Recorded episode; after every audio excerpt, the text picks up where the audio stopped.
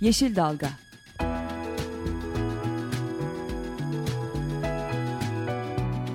Çevre mücadeleleri üzerine.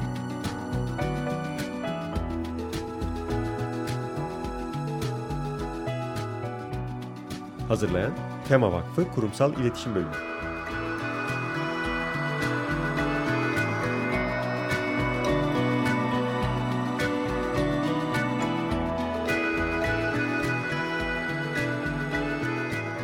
Yeşil Dalga programına katkılarından dolayı Willow Pompa Sistemlerine teşekkür ederiz. Merhabalar, Tema Vakfı tarafından hazırlanıp sunulan bir Yeşil Dalga programında da sizlerle birlikteyiz. Ben Esra Yazıcı Gökmen. Ben Özlem Katısöz. E, bu hafta konuğumuz e, Tema Vakfı Bilim Kurulu üyesi Profesör Doktor Murat Türkeş. Murat hocamız ile birazdan e, telefonla e, bağlantı kuracağız. Kendisi Çanakkale'de şu anda. E, ama öncesinde her hafta olduğu gibi hızlıca bu hafta öne çıkan çevreyle ilgili haberleri bir göz atalım. İlk haberimiz Kaz Dağları'ndan, Çanakkale'den. Evet biliyorsunuz Kaz Dağları e, şu ana kadar birçok madencilik faaliyeti nedeniyle çok ciddi bir şekilde tehdit altında. E, şimdi bu sefer e, tarım arazilerine yönelik bir e, tehlike söz konusu.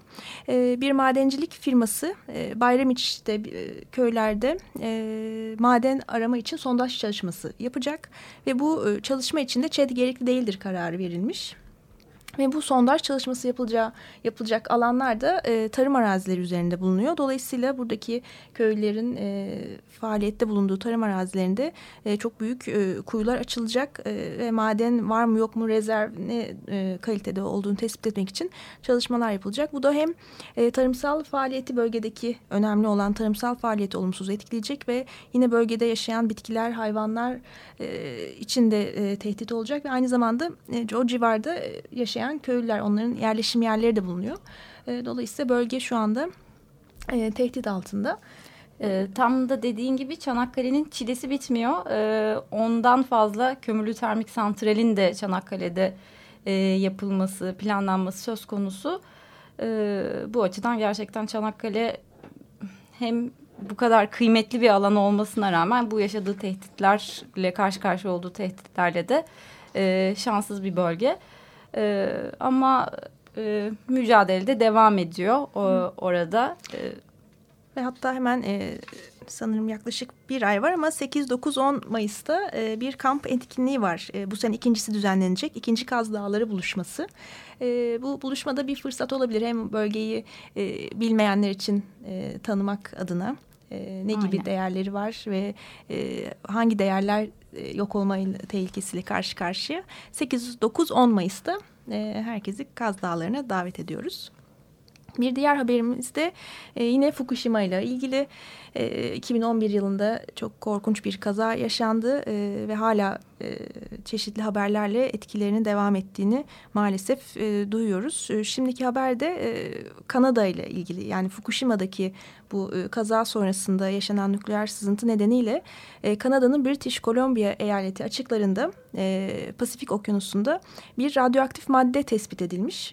Bu madde de sezyum 134 diye bilinen bir madde ve önemli olan da şu bu e, Sezyum 134 izotopunun e, Fukushima'daki nükleer felaket sonrası ortaya çıkan karakteristik bir e, nüklit madde e, deniyor. Öyle bir madde olduğu belirtilmiş. E, dolayısıyla e, Fukushima'da yaşanan bir nükleer kazanın etkileri 4 yıl sonra e, Kuzey Amerika kıyılarında e, tespit edilebiliyor. E, bu da bu tip kazaların e, ne kadar çok geniş e, alanlara yayılabildiğini ve önlenmesinin neredeyse imkansız olduğunu bize gösteriyor maalesef. Evet çevre felaketleri sınır tanımıyor. ee, bu haberden sonra e, şunu da hatırlatmakta fayda var belki. E, Sinop'ta yapılması planlanan ikinci nükleer e, santralin yapımını öngören uluslararası anlaşmada geçen hafta Meclis Genel Kurulu'nda kabul edildi. Evet yani bu nükleer santral projeleri Sinop'taki Akkuyu'daki bunun yanında işte demin Çanakkale'den bahsettik onun dışında e, Adana'da, Zonguldak'ta planlanan e, termik santral projeleri hep e, belli bir e, belli bir takım öngörüler, elektrik ihtiyacımıza dair e, öngörülere dayanarak e, yapılıyor biliyorsun. Gerekçe gösteriliyor. Aynen öyle ama bir yandan da e, e, devletin e, elektrik iletimi ve üretimiyle e, sorumlu e, kurumları da aslında projeksiyonlarını yeniliyor. E, öngörülen yani 2020 e, projeksiyonlarında e, öngörülen ihtiyaçlardan daha az ihtiyaç olacağına dair tahminlerini revize etmeye e, ederken e, biz bu işte bizim önümüzdeki 50 seneyi e, ülkemizin 50 senesini bağlayacak e, nükleer santral, kömürlü termik santral yatırımlarına e, hala devam ediyoruz. E, bu kurulu güç e, çalışmalarından önce aslında e, bu kurulu güç planlamalarının da e, revize edilen e, projeksiyonlara göre aslında yapılması gerekiyor. Yoksa hem e, finansal kaynaklarımızı hem doğamızı, sağlığımızı e, aslında ihtiyacımız olmayan bir e, elektrik e, e, ihtiyacı için yani biz yani bize lazım olmayan elektrik ihtiyacı için feda etmek durumunda kalabiliriz. Tabii.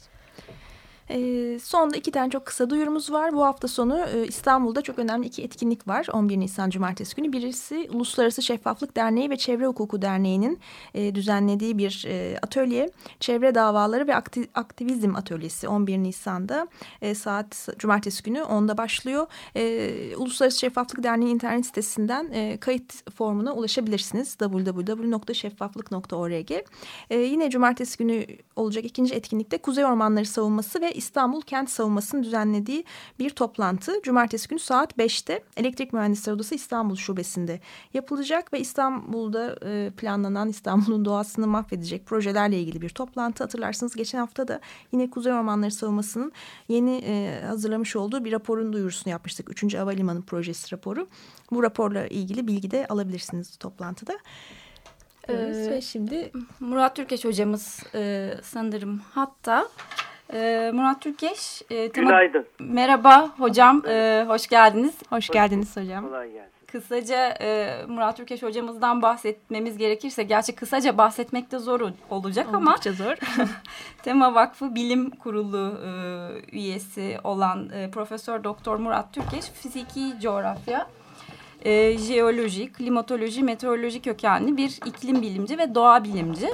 E, aynı zamanda ODTÜ İstatistik Bölümü bağlantılı bir öğretim e, üyesi. E, Türkiye'den de IPCC e, Hükümetler Arası İklim Değişikliği Paneli'nin e, yayınladığı e, raporlarda da üçüncü ve beşinci değerlendirme raporlarına da katkı veren, Türkiye'den katkı veren bir yazar. Bugün kendisiyle e, kitabını konuşacağız. Biyocoğrafya, bir paleocoğrafya ve ekoloji yaklaşımı adlı kitap.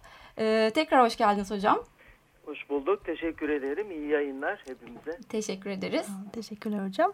Ee, evet bu e, en son yazmış olduğunuz kitabınız. Evet. E, bu hani, kitabı neden yazdınız, içerik nedir onlarla ilgili de konuşacağız. Öncelikle e, kitabın başında da geçtiği için biyocoğrafya ve paleo, evet. paleocoğrafya teknikleri çoğumuz için e, yabancı olduğumuz e, terimler. Dilerseniz önce bunların bir genel tanımıyla başlayıp sonra devam Tabii. edelim. Yani evet çok kısa tanımlamak gerekirse e, biyocoğrafyayı e, en genel e, tanımıyla e, benim kendi tanımlarım tabii bunlar. E, başka alanlardan da başka tanımlar olabilir ama e, bu e, bu yaklaşım açısından yani paleocoğrafya ve ekoloji yaklaşım açısından tabii özellikle de e, klimatoloji ve atmosfer bilgisinin de içinde yer aldığı bu desenler için bitki ve hayvanların Burada işte fauna, flora, mikroorganizmalar hepsi e, yeryüzündeki alansal dağılışları, ilişkileri, etkileşimleri ve zaman içindeki değişimleriyle evrimin alansal ve zamansal desenlerinin neden ve sonuçlarını inceleyen bir bilim dalı. E, dolayısıyla e, aslında e, e canlı e, örüntülerinin geçmişte ve günümüzdeki e, dağılışları, e, dağılış e, örüntülerinin nedenlerini, ilişkilerini hem ortamın, yer kürenin hem de türlerin evrimini birlikte ele alan aslında bir sentez yani bireşim bilim denebilir. Bu kapsamda ki yararlandığı temel aldığı alanlar ağırlıklı fiziki coğrafya, e, biyoloji, e, evrim bilimi, e, tabii onların da alt dallarına in, inebiliyoruz. E, onun dışında toprak, e, klimatoloji, e, atmosfer bilimleri, e, jeoloji, e, yararlandığı alanların jeomorfoloji, hep e, o yüzden çok geniş bir e, e, yelpazede bir e, bireşim bilimi olarak karşımıza çıkıyor. Batı'da çok önemli. Özellikle e, Avrupa'da ama genel anlamıyla Anglo-Sakson e, bilim geleneğinde e, daha çok e, işte coğrafyanın e, ve biyolojinin birlikte aslında e, ele aldığı e, yer yer e, ekoloji tabii son yıllarda böyle bir e, bilim dalı aslında. Yani günümüzde neredeyse tek başına filogenetik çalışmalarla evrim çalışmalarının işte türlerin DNA'larından, evrimsel geçmişlerinden artık daha çok yararlanma olanağımız var. Dolayısıyla neredeyse tek başına önemli bir e, bilim dalı olarak karşımızda duruyor. Evet. Ee, peki hocam Türkiye'nin biyocoğrafyasından kısaca bahsetmek mümkünse tabii e, birkaç e, cümle söyler misiniz? Evet, e, tabii. Aslında şöyle, e, Türkiye e, bir kere hem hayvan varlığı hem bitki varlığı yani fauna ve flora e, açısından e, zengin e, bir ülke. Bu sadece bu tür açısından düşündüğümüzde ya da familya ve tür açısından da düşünülebilir ama hem fauna hem flora Türkiye'de dünyadaki örneklere göre alansal bölgesel örneklere göre oldukça çok zengin. E, vejetasyon hem vejetasyon e, formasyonları yani vejetasyon ya da bitki coğrafyası açısından hem de zoo coğrafya yani hayvan coğrafyası açısından e, bir kere e, oldukça e, zengin. Endemik ve relik türler çok fazla. E, hayvan tür sayımız çok fazla. En çok bildiğimiz biliyorsunuz e, biyolojik e, çeşitlilikte daha çok biz tür çeşitliliğini alıyoruz ama örneğin e, bitkiler açısından baktığımızda e, tür çeşitliliği e, çeşitli kaynaklarda 10-11 bin arasında 11 bin dolayında e, bunun da yüzde 30 dolayında olanı endemik Türkiye'ye özgü. Bu çok önemli. Bitki coğrafyası açısından hem eski dünya karalarının paleo Avrupa orman florası genel anlamıyla hem Akdeniz e, vejetasyonu ya da Akdeniz biyomu hem de e, İran Turan biliyorsunuz karasal e, vejetasyon e, coğrafyası alanının e, birlikte e, aynı birlikte yer aldığı bir coğrafya. Tabii bunların birbirine yaklaştığı, bunların kesiştiği, etkileşim yaptığı alanlar var. E, vejetasyon açısından böyle, hayvan coğrafyası açısından da yine aynı şekilde Avrupa genel anlamıyla Avrasya'dan, e, Orta Doğu'dan, oradan Güney Asya'ya kadar, Kuzey Afrika, bütün bu e, alanlardaki tabii ki bir jeolojik geçmişle birlikte söylüyorum. Ee, örneğin son 50 milyon yıla baktığınızda bütün bu alanlardaki jeolojik, jeomorfolojik ve klimatolojik evrimde çeşitli canlılar e, Anadolu'da da yer almışlar. Tabii o zamanki jeolojik, jeomorfolojik duruma göre. E, o yüzden çok şanslıyız. Ama e, tabii büyük bir sorumluluk veriyor bize bu. Bütün bu canlıların e, gelecek kuşaklara bırakılması açısından. Dolayısıyla türleri e, yani biyolojik çeşitliliği, e, eko, ekosistemleri, e, habitatları, biyotoplarıyla birlikte koruma sorumluluğu. Bunların gelecek kuşaklara aktarılması. Böyle bu demin sözüne ettiğim zenginlik tabii Anadolu'da e, insan e, kültür bitkilerinin büyük bir çoğunluğunun da geçmişi örneğin tahıllar, e, meyveler çok önemli yer tutuyor.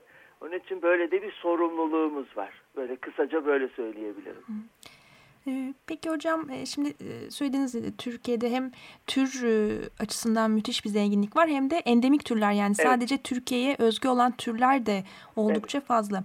Ee, ama mesela komşu ülkelerle kıyasladığımızda çok ciddi bir fark var ve aslında çok farklı çok uzak mesafelerden de bahsetmiyoruz. Evet. Ee, bunu nasıl bu yine coğrafi konumuzla mı açıklanabilir? Evet. Türkiye yani onu isterseniz şöyle yapayım. Mesela biyocoğrafya ne yapıyor? Neden bunlarla ilgileniyor? Bu sorunuzla ilgili. Hı -hı. Deminki tanımdan Lütfen. da hatırlayacaksınız aslında. Biz bu dağılış desenlerini, örüntülerini geçmişten günümüze, değişimlerini, farklılıklarını açıklıyoruz. Yani biyocoğrafya çok böyle e, temel sorular sorar ama halkın anlayacağı dinli de hepimiz bildiğimiz için kitabıma da aldım. Örneğin martılar hepimiz biliyoruz değil mi? Ama martıların da neleri var? Çok farklı olanları var. E, Türkiye'nin kıyılarını bile gezdiğinizde martıların hepsinin e, aynı yerde bulunduğu e, alanlar da var. Ama sadece belli e, martı e, cinslerine ait türlerin bulunduğu alanlar da var. Yani biyocoğrafya madem neden deniz martılarının birden fazla türü vardır? Neden martıların farklı türlerin bazıları yaygın, bazıları daha yerel özellikteki farklı dağılış desenlerine sahiptir? Neden hepsinin işlevi açıkça aynı olmasına karşın aynı arazide bu kadar çok çeşidi vardır gibi e, bütün bu soruları sorabiliriz. Aynısını efendim kelebekler için sorabiliriz. E, dolayısıyla e, bir kere e, önemli bir e, tür e, çeşitliliği, yaşam ortamı e, çeşitliliği var. Türkiye'nin durumu da tabii bu sorulara yanıt verirken e, zorunlu olarak ona bakmamız gerekiyor. Neden e, tür çeşitliliği, biyolojik ve genetik çeşitlilik Türkiye'de kadar fazla? Tabii bu bir kere e, öncelikle yaşam ortamlarının yani ekosistem, habitat, biyotop, biyotop ya genel anlamıyla e, biyotoplar ve o, onu şekillendiren farklı ekolojik işlevlere sahip e, bunun içindeki ekosistem e, süreçleri e, ve e, habitatlar var. Tabii bunun da nedenleri var. E, özellikle konu hani endemik türler, endemizm ve endemik türler olduğunda biz buna bakıyoruz. Genel anlamıyla örneğin bunu anlamak için bir ülkedeki bir alandaki endemizm oranı yani endemik türlerin e, oranı e, bizim çok genel olarak ifade ettiğimiz şekilde o alanın, o bölgenin e, ana kayaç özellikleriyle, jeolojik, jeomorfolojik geçmişiyle e, hatta yaşıyla çünkü evrim aynı zamanda e, zamanın da bir fonksiyonu. E, o bölgenin izolasyon e, derecesine ve süresine yani dış etkilerle e, ne kadar kapalı, ne kadar açık, kapalıysa ne kadar kapalı kaldı gibi, ne zaman açıldı, e, yeryüzü şekillerine, orografya, dağların uzantısı, yükselti, dağlık alanlardaki mikroklima koşulları, biliyorsunuz dağlar yükseldikçe farklı mikroklima koşulları, dolayısıyla vejetasyon yaşam katları üretir. Bölgesel ve yerel iklimlerin çeşitliliği gibi. E tabi Türkiye'de bu çok zengin. Türkiye iklim açısından biliyorsunuz e, çok farklı iklim türlerimiz var. Onların içerisinde alt türler ayırabiliyoruz. Örneğin geleneksel olarak yağış rejimi 6-7 e, grupta toplanabiliyor ama işte biz çalışıyoruz biliyorsunuz e, çoklu istatistik yöntemler kullandığımızda e, bu 15'e 14'e çıkabiliyor. Alt bölgeler, yörelerin hatta içinde mikroklima alanları e, oluşabiliyor. Tüm bunlar Türkiye'ye bir kere tür sayısı, e, canlı sayısı diyelim genel olarak taksonlar e, ve bunların içerisinde de özellikle vejetasyondaki endemiklerin ve reliklerin bizde biliyorsunuz e, hem endemik hem relikt olanlar var. Yani alanı giderek daralmış Türkiye'de kalmış sığla ağacı gibi örneğin hmm. E, böyle canlılarımız var. E, bir de son buzul çağına bakmamız gerekiyor. Son buzul çağında Avrasya'nın büyük bir bölümü örneğin Avrupa Alplere kadar Asya ise işte Himalayalara, Elbruz dağlarına kadar buzulların etkisinde kalmış. Dolayısıyla onlar tür çeşitliliklerini kaybetmişler. Anadolu ise Karadeniz ve e, Kuzey Anadolu dağlarının nedeniyle korunduğu için e, Akdeniz Havzası'nın geneli için de bu söyleniyor aslında. E, bizde bu zenginlik çok fazla. Yani e, tür e, taksonların sayısının bu kadar çok olması ve bunların içinde endemik ve olması bu aynı zamanda yaklaşık son 20-22 bin yıl önceden günümüze yani son buzul çağına kadar geçen sürede e, Anadolu'nun e, ikliminin aslında daha önce buzullardan etkilenmediği için Anadolu coğrafyasının bir bütün halinde e, buzul çağında e, birçok canlıya ev sahipliği yapmış olması günümüzde de iklim ısındığında dağların bulunması dağla, bu soğuk, nemli koşullarda Anadolu'ya yerleşmiş olan, varlığını sürdürmüş olan canlıların dağların yüksek ve kuzey yamaçlarına yerleşmesiyle ilgili. Bunu böyle açıklamak mümkün. Çok şey söylenebilir ama özeti bu. Ee, peki hocam hem e, siz de söylediğiniz biyoçeşitlik e, açısından çok zengin bu evet. açıdan çok önemli, e, ayrıcalıklı evet. bir konumu var. Kesinlikle. Peki biyoçeşitlilik neden önemli bizim için, e, evet. insanlar için? Yani bir canlının tabii en genelinden, duygusalından başlayalım. Bildiğimiz bir canlının e, öncelikle onun e, insani bir yaklaşımla düşünelim. Bilimi bir kenara bırakalım. Yok olması çok kötü bir şey. Yani bildiğiniz bir canlı işte e, Avustralya'nın e, biliyorsunuz e, kurtları gibi. E, bugün onlar yok. Birçok kuş türü yok. Bitki türleri, küçük canlıları bilmiyoruz. E, bu tabii canlılar e, ekosistemin ayrılmaz parçaları ve bütün bu ekolojik ilişkiler canlı ve cansız ortam arasında gelişiyor ve yeryüzünün karalarıyla iklimiyle birlikte evriminde e, her e, büyük iklim kuşağının ve tabi e, izolasyon ada koşulları farklı gösteriyor ama onların altında yer alan karalarda onlara özgü familyalar hem zor coğrafya açısından hem vejetasyon coğrafyası açısından gelişmiş. Yani o ortamların yaşanabilir havasıyla, toprağıyla, iklimiyle e, sahip olduğu genetik çeşitlilik açısından ki bunun aynı zamanda gıda güvenliği, gelecek kuşaklara sahip olduğumuz e, meyve sebze yedik e, işte hayvanların gelecek kuşaklara da aslında e, aynı zamanda besin kaynağı olarak aktarılmasında da biyoçeşitlilik önemli. E, bir bütün halinde bir bütüncül bir yaklaşımda korumak istiyorsak içindeki canlıyla birlikte aslında bu habitatları, biyotopları korumak zorundayız. Türkiye'nin demin söyledim biliyorsunuz örneğin tahıllar açısından son yıllarda aslında bu tür çalışmalar da var.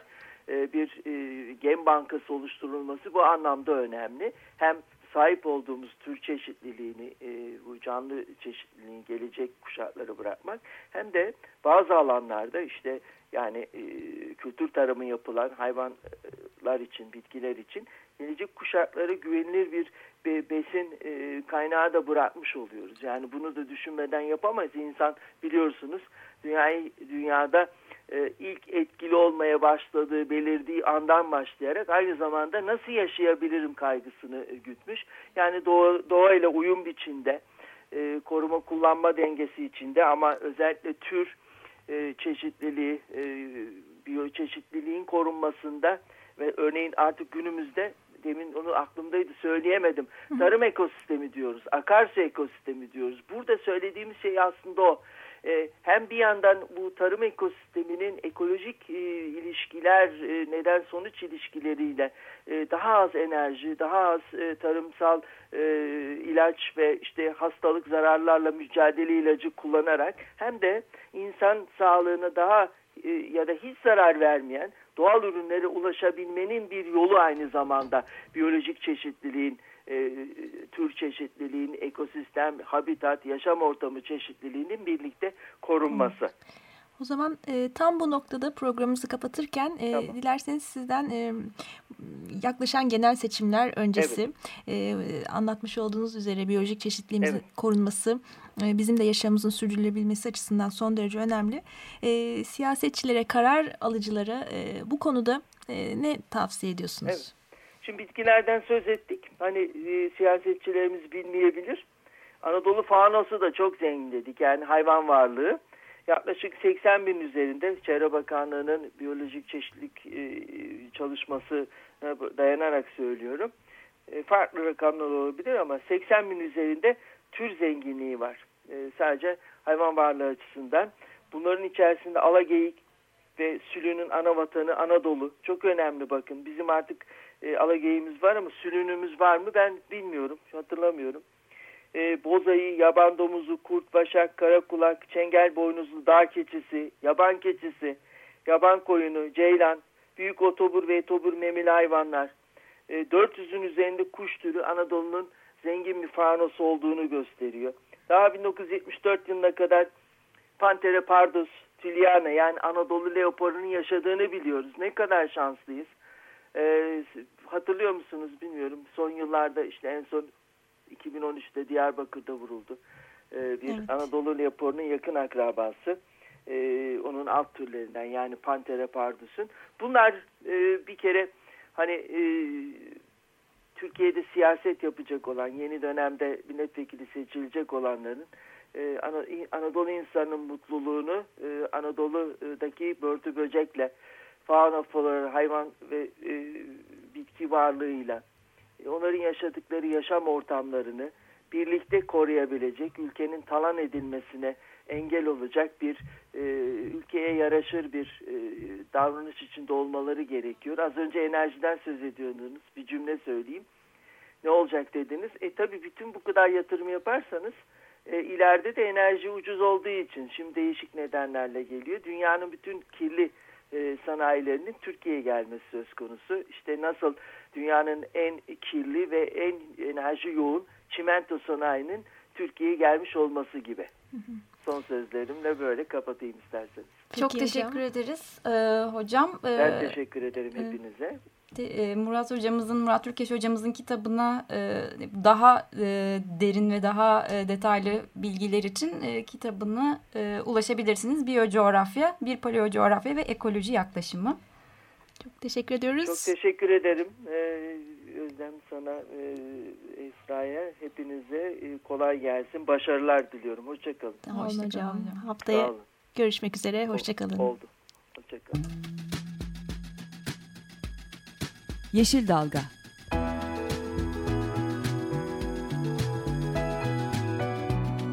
Çevre mücadeleleri üzerine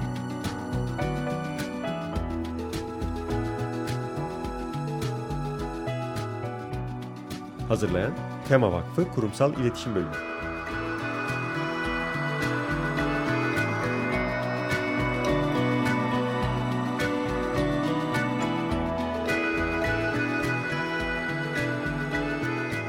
Yeşil Dalga programına katkılarından dolayı Willow Pompa Sistemlerine teşekkür ederiz. Açık Radyo program destekçisi olun. Bir veya daha fazla programa destek olmak için 212 alan koduyla 343 41 41.